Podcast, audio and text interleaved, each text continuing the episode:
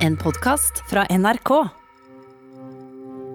Hvor ofte stopper opp, hever blikket og spør Hva er det egentlig jeg holder på med? Ikke altfor ofte, håper men en gang iblant. Det har jeg gjort, og nå vil jeg fortelle deg litt om hva jeg har oppdaget om meningen med livet.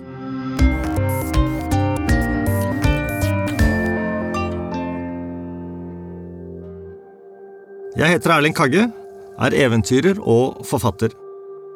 Det jeg skal fortelle om i dag, det handler om nysgjerrighet og undre seg. Det er en av de reneste former for glede jeg kan tenke meg, og en av de sterkeste drivkreftene vi er født med. Jeg skal ikke snakke om store hendelser, tall, formler og fakta. Jeg skal snakke om små opplevelser. Jeg synes en undring over hvordan naturopplevelser, stillheten inni deg og meningen med livet kan henge sammen, burde vært pensum.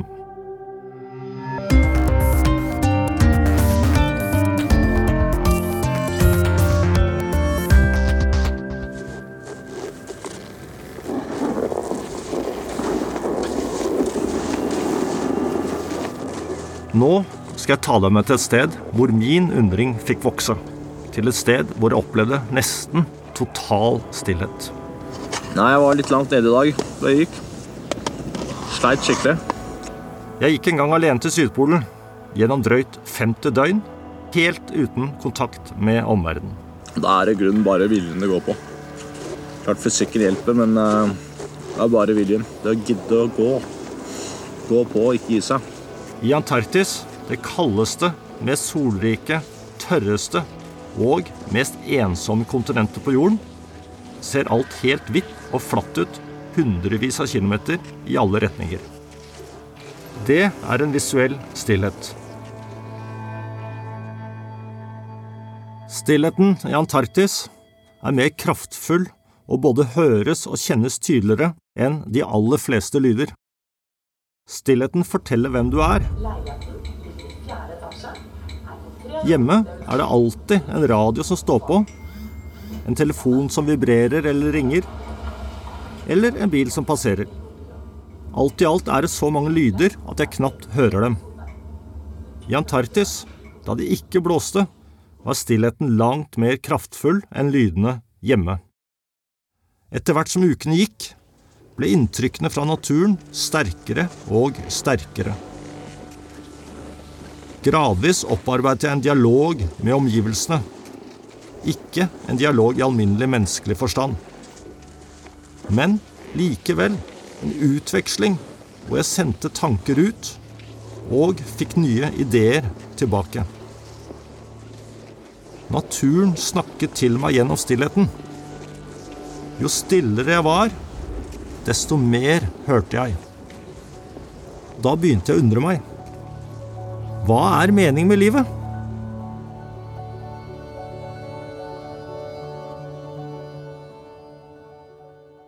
Jeg er absolutt ikke egnet til å være lærer.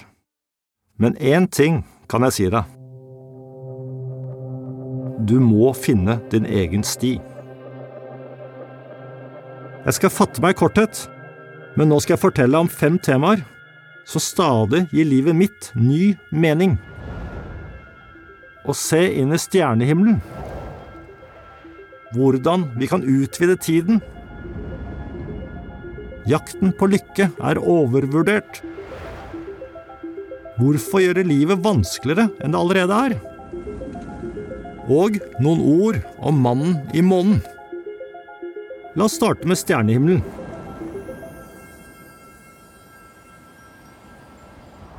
Jeg elsker å se på stjernene. De lærer meg en porsjon ydmykhet og minner meg om at vi er en bitte, bitte liten del av verden, men den gir meg også en følelse av storhet. For vi er en del av et enormt og fantastisk univers. Etter at polfarerne Fridtjof Nansen og Hjalmar Johansen nådde 86-14 i 1895, lengre nord enn noen andre, skrev Nansen følgende om stjernehimmelen.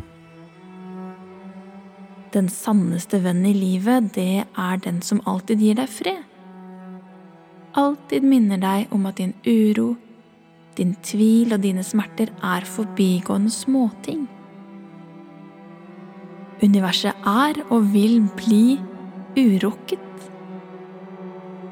Våre meninger, våre kamper og våre lidelser er ikke så viktige, og de er ikke så enestående når det kommer til stykket. Ved å se inn i natten øver du deg på å prate med deg selv. Det er ofte det filosofi handler om. Når jeg leser Nansen, føler jeg at han i sin indre stillhet speidet innover i sitt eget sinn og gjenoppdaget skjulte sider. Det indre universet er for meg like mystisk og langstrakt som verdensrommet som omgir oss. Det ene strekker seg utover, det andre innover. Som poeten Emily Dickinson fint kommenterte vår uendelighet, The brain is wider than the sky.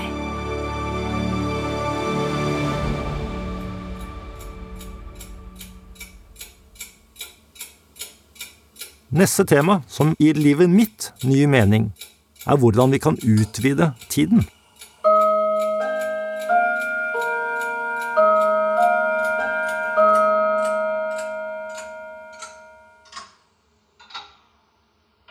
Den mest alminnelige hvite løgnen, eller misforståelsen i verden, er at livet er kort.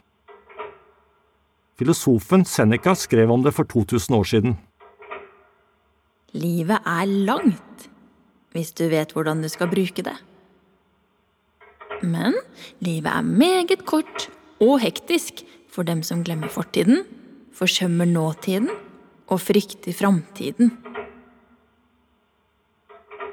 Når livet nærmer seg slutten, så innser stakkarene for seint at de hele tiden var hektisk opptatt med å gjøre ingenting. Senecas poeng er at vi alle eksisterer, er til stede fysisk, men de færreste lever. Da de tre døtrene mine var små, spurte de ofte om hvorfor vi måtte gå når det er raskere å kjøre bil. Jeg syns det var et godt spørsmål, og jeg slet med å finne godt svar. For det er en utbredt enighet om at du sparer tid hvis du bruker to timer fra ett sted til et annet i stedet for fire eller åtte timer. Ja, matematisk virker det korrekt. Men min erfaring er motsatt.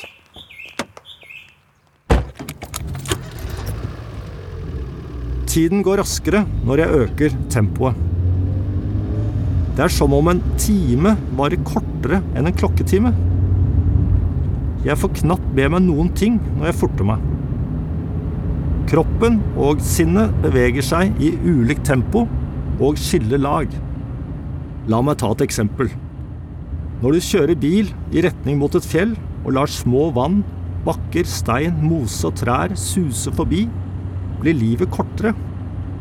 Du kjenner ikke vinden, luktene, været og lysets forandringer. Føttene blir ikke såre. Alt går i ett.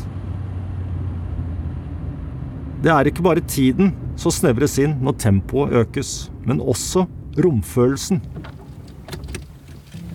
Plutselig er du ved foten av fjellet. Opplevelsen av distanse svinner. Vel fremme kan du tenke at du har fått på deg mye. Jeg tviler på det. Går du den samme ruten, bruker en dag istedenfor en halvtime, puster roligere, lytter, kjenner grunnen under føttene dine, blir dagen en helt annen. Forandringen er gjenspeilet i språket vårt, og i alle andre språk jeg kjenner til. Du beveger deg, og du blir beveget. Gradvis vokser fjellet, og det kjennes som om omgivelsene blir større.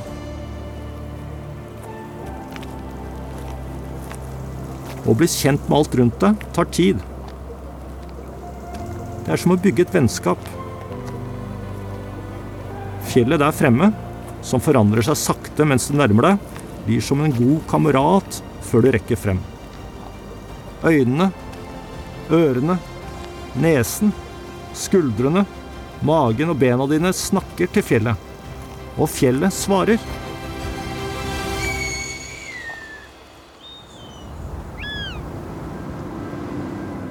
Tiden strekker seg ut, uavhengig av minutter og timer. Akkurat her ligger den store hemmeligheten alle som går, deler. Livet varer lenger når du går. Å gå, klatre, seile forlenger øyeblikkene.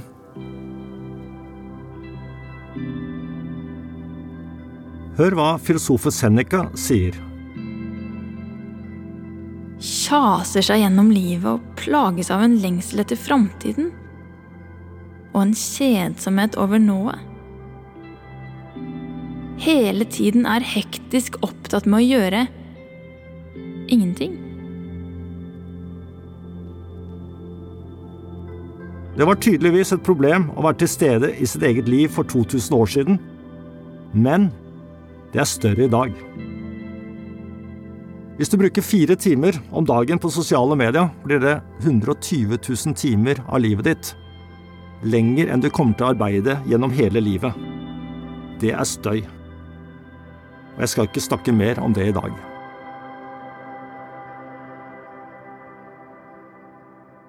Det tredje temaet som har gitt livet mitt ny mening, er da jeg forsto at jakten på lykke er overvurdert. Har du spurt deg selv er du lykkelig, og lurt ordentlig på hvorfor du er lykkelig? Det har jeg. Og selv om jeg følte meg lykkelig da jeg spurte, så begynte jeg å tvile på det ganske kjapt etterpå. Jeg syns også det er vanskelig å vite når jeg er lykkelig, og når jeg er ulykkelig. Som en kjæreste sa en gang, når jeg er lykkelig, føler jeg meg ulykkelig, og når jeg er lykkelig, ulykkelig.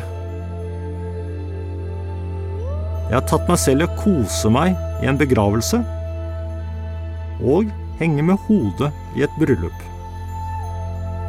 Til tider kjenner jeg meg lykkelig uten noen grunn, som en uventet gave. Forfatteren Thomas Espedal skriver om det i boken Gå eller kunsten å leve et vilt og poetisk liv. Espedal er fyllesyk og nedtrykt etter å ha drukket sammenhengende i fire dager. Da skjer det noe, for plutselig Treffer sollyset et trafikkskilt. Og jeg blir truffet av en uventet lykkefølelse. Det lille lysglimtet gjør at tankene blir lettere, og langsomt går det opp for meg. Du er lykkelig fordi du går.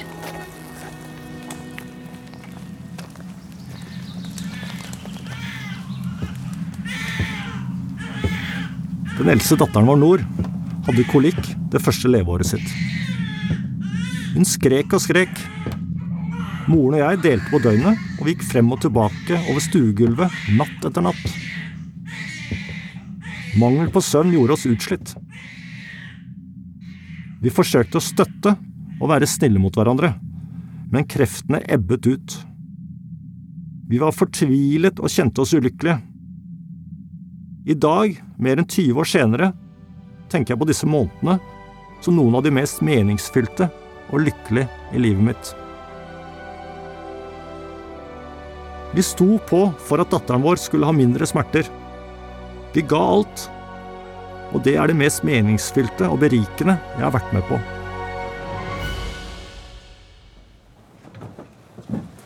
Sist sommer så besøkte jeg Azorene, og jeg ble minnet om vinteren for 37 år siden da vi, tre norske gutter på 21 år, seilte i en liten seilbåt til øygruppen fra Kariben underveis hjem til Oslo.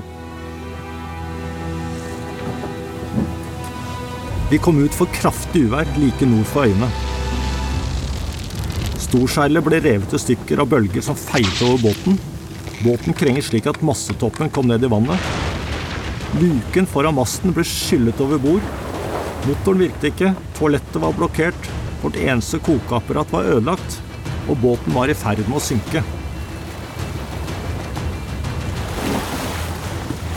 I en slik situasjon er den beste pumpen på markedet tre skremte gutter med hver sin bøtte.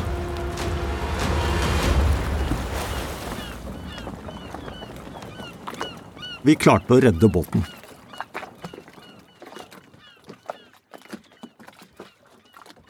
En slik seilas er en blanding av frykt, å være kald og klissvåt, sult, nysgjerrighet, lyder, lys, håp, indre stillhet. Og når du har vært ute på havet, uten å se land, i tre, åtte og til slutt 15 døgn lengsel. En følelse som strekker seg utover uten å bli møtt. Azorene er en del av Portugal, og portugisisk har det et ord for denne lengselen. Saudade. Saudade handler om kjærlighet, smerte, håpløshet og lykke på samme tid. Det kan være tanken om noe fint som uroer deg, eller noe ubehagelig som bringer glede.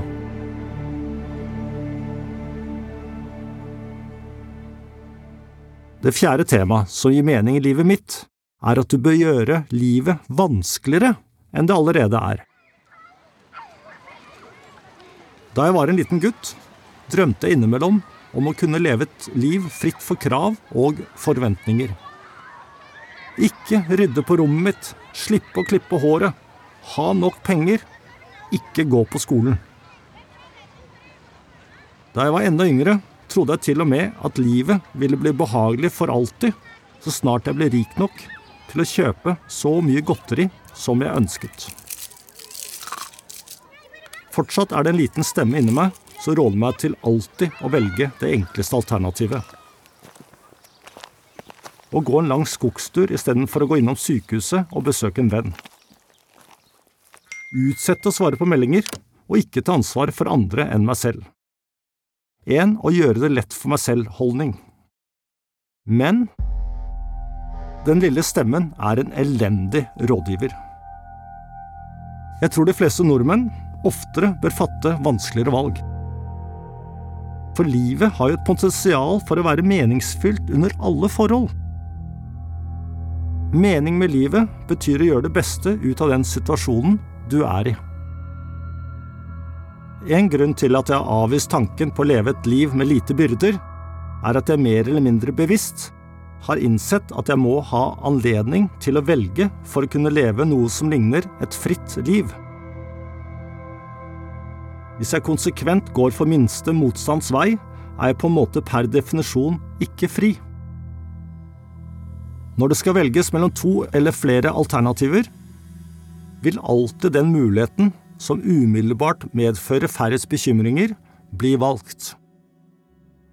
Mine valg, både de store og de små, blir med andre ord forutbestemt.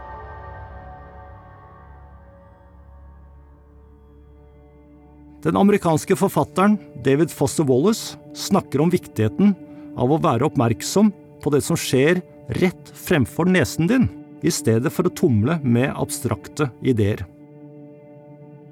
Et fritt liv må romme disiplin, oppmerksomhet og selvsagt sjenerøsitet. Frihet betyr, ifølge Wallace, at man er i stand til å bry seg om andre og ofre seg for dem, om og om igjen, på en myriade av ørsmå, usexy måter hver dag. Jeg må alltid stanse opp når jeg leser disse ordene. Bry seg om andre og ofre seg for dem, om og om igjen, på en myriade av ørsmå, usexy måter hver dag. Ansvar og byrder gir livet innhold. Å bare velge enkleste vei er en oppskrift på å tømme livet for innhold. Hvis livet ditt ikke gjør noen forskjell for andre, vil det i det lange løp ikke være så viktig for deg heller. Og så er jeg kommet frem til det femte temaet som gjør livet mitt meningsfylt. Og det handler om mannen i månen. Da jeg gikk på ski til Sydpolen, forestilte jeg meg at mannen i månen så ned på jorden. Ingen lyder fra vår planet rakk de 390 000 kilometerne opp til ham. Men han kunne se planeten vår og kastet blikket et langt stykke sørover. Der fikk han øye på en gutt i blå anorakk med norsk flagg på brystet, som gikk lenger og lenger inn på isen for så å slå opp teltet om kvelden. Neste dag gjentok det samme seg. Han så skiløperen gå i samme retning uke etter uke. Mannen der oppe måtte jo tro fyren var sprø. Jeg ble litt nedstemt ved tanken der jeg gikk alene. Sent en ettermiddag, like før jeg skulle avslutte dagen og slå opp teltet, tittet jeg opp mot himmelen og så for meg at samme mannen flyttet blikket et godt stykke nordover. Der nede fikk han øye på tusenvis, for ikke å si millioner av mennesker som forlot de små husene sine tidlig på dagen, bare for å sitte i kø i noen minutter eller en time. Så kom det til et stort hus. Der inne forble de åtte ti eller tolv timer foran noen skjermer før de returnerte via den samme køen tilbake til det lille huset. Der var det middag og en TV-serie eller nyheter til samme tid hver kveld. År etter år. Det slo meg at den eneste forskjellen ettersom tiden gikk, ville være at de ivrigste hadde et litt større hus å være i om natten enn de andre. Da jeg spente av maskinet om kvelden for å slå leir, følte jeg meg litt roligere og mer fornøyd. I dag kjenner jeg meg mest igjen i han som drar til et stort hus hver morgen. Og jeg liker det også. Jeg er dypt takknemlig for å ha en god jobb. Men jeg synes det kjennes godt en gang iblant å bli minnet om perspektivet til mannen i månen.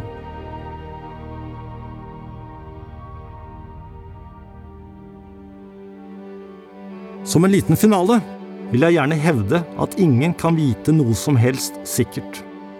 Ikke du, ikke jeg og ingen andre. Som broren min Gunnar sa da vi var små gutter og hadde gått oss vill i Østmarka. Her har jeg gått meg vill før, så nå vet jeg hvor vi er.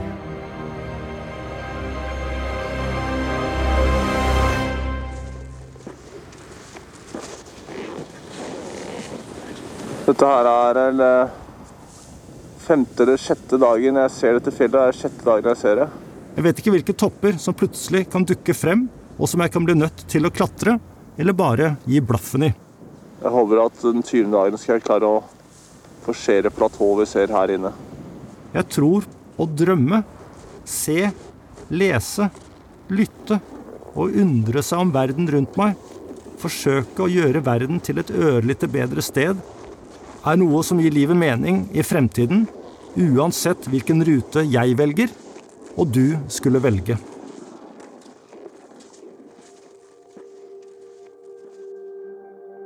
Jeg heter Erling Kagge, og jeg håper denne episoden har skapt litt undring rundt meninger med livet. Ikke tenk for mye når du går videre. Se deg rundt, opp mot himmelen, mot solen, månen, stjernene. Og lytt til omgivelsene. Regnet som faller, foten din som svupper opp av den våte mosen, og stillheten. Spør deg selv, hvor er jeg nå? Takk. Akkurat her.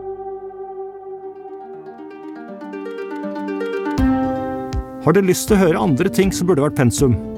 Jeg kan anbefale episoden 'Dysleksien og meg' av jusforsker Sofie Høgestøl. Følg Burde vært pensum i appen NRK Radio. Burde vært pensum er laget av Lyder Produksjoner for NRK. Produsent Christian Marstrander. Lyddesign ved Sondre Myrhol. Musikken er laget av Halvard W. Hagen og Jens Petter Nilsen. Og ansvarlig redaktør fra NRK, Jan Egil Oddland.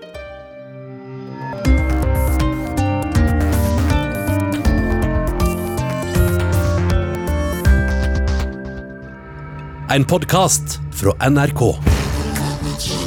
Hele Norge kryssforhører, etterforsker, analyserer og avslører bløff. Hei jeg heter Sara Natasha Melby. I Maskorama-podkasten får du eksklusive hint som du ikke får noe annet sted. Bare i appen NRK Radio. Gjett hvem som skjuler seg bak maskene. Hør Maskorama-podkasten i appen NRK Radio.